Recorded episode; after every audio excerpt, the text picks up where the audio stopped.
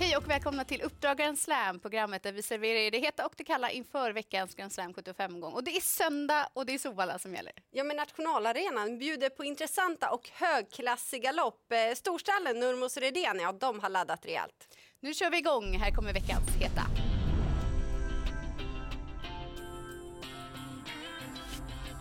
Vi börjar i den första avdelningen med nummer 11, Versace Face, som har höjt sig i år och kommer med tre raka segrar i bagaget. Han är stark och rejäl och har tidigare vunnit över den här längre distansen.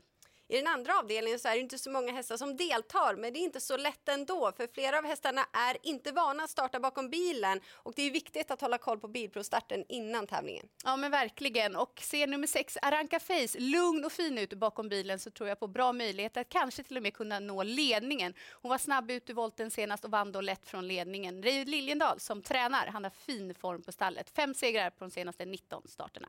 Och I den tredje avdelningen där gör nummer två Charles Dusyd årsdebut och i sin senaste årsdebut eh, då var han trea på bra sätt. Han har testat långdistans eh, en gång tidigare och då var avslutningen riktigt bra. Han borde få en fin resa härifrån och ska ses med chans direkt. Hemmakusken Ulf Olsson är alltid segeraktuell och har flera spännande uppsittningar i omgången. Så här säger han själv om hästarna.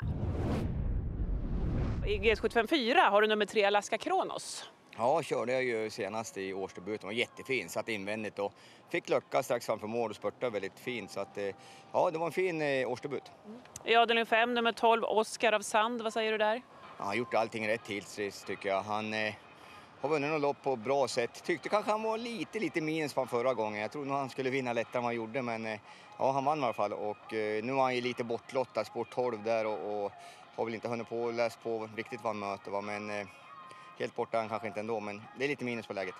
Och så slutligen i avdelning 6, nummer 4, Leon Zon. tycker jag gick bra i finalen senast. Fick gå lite för tidigt utan rygg och jag tror en häst som passar bäst med rygglopp och skulle han få det så kommer han göra ett bra lopp. Ja, han har ju flera intressanta hästar, men det var ingen riktig toppchans. Nej, men bra chans. Det tror jag att nummer två, Dixie Brick, har i den fjärde avdelningen. Hon var strålande som tvåa senast efter en tuff resa utvändigt om vinnande Dear Friend. Ingen ledning den här gången heller, men hon har ju gång på gång visat att hon är tuff och tål att göra jobbet i spåren. Timo Nurmos på hemmaplan, det är en faktor. Fina 34 i segerprocent.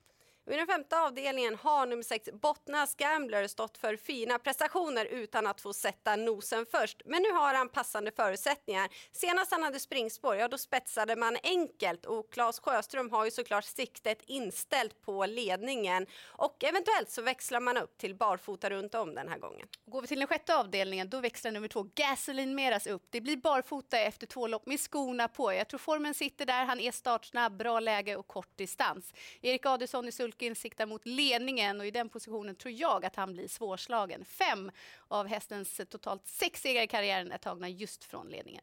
Ja, Åke Lindblom trivs ju i ledningen, men det är inte säkert att nummer två Sparkling Diamond kommer dit i den sista avdelningen. Men hon visade senast att formen sitter där och vann trots en tuff resa. Och eventuellt så blir det barfota runt om för första gången.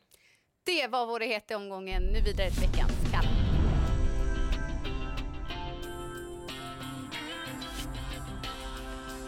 Vi börjar i den fjärde avdelningen där vi vet att nummer sju, Diana Sett, alltid är som bäst när det verkligen gäller. Men nu är det årsdebut och i fjol behövde hon några lopp i kroppen innan den där toppformen infann sig. Hon möter ju Stom med dokumenterad form och från spår sju, ja då finns det risk att det blir passivt upplägg denna gång.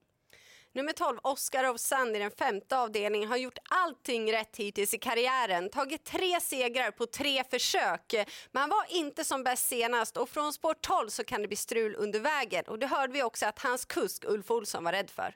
Och går vi till den sjätte avdelningen så tror vi att distansen kan vara fel för 10 Istanbul Boko denna gång. Ja, han har ju ett lopp i kroppen nu. Eh, visserligen var han tvåa, men han agerade väldigt trögt under vägen och tog, tog också en kortare galopp. Och från bakspår på kort distans då är jag rädd för att han aldrig kommer in i loppet.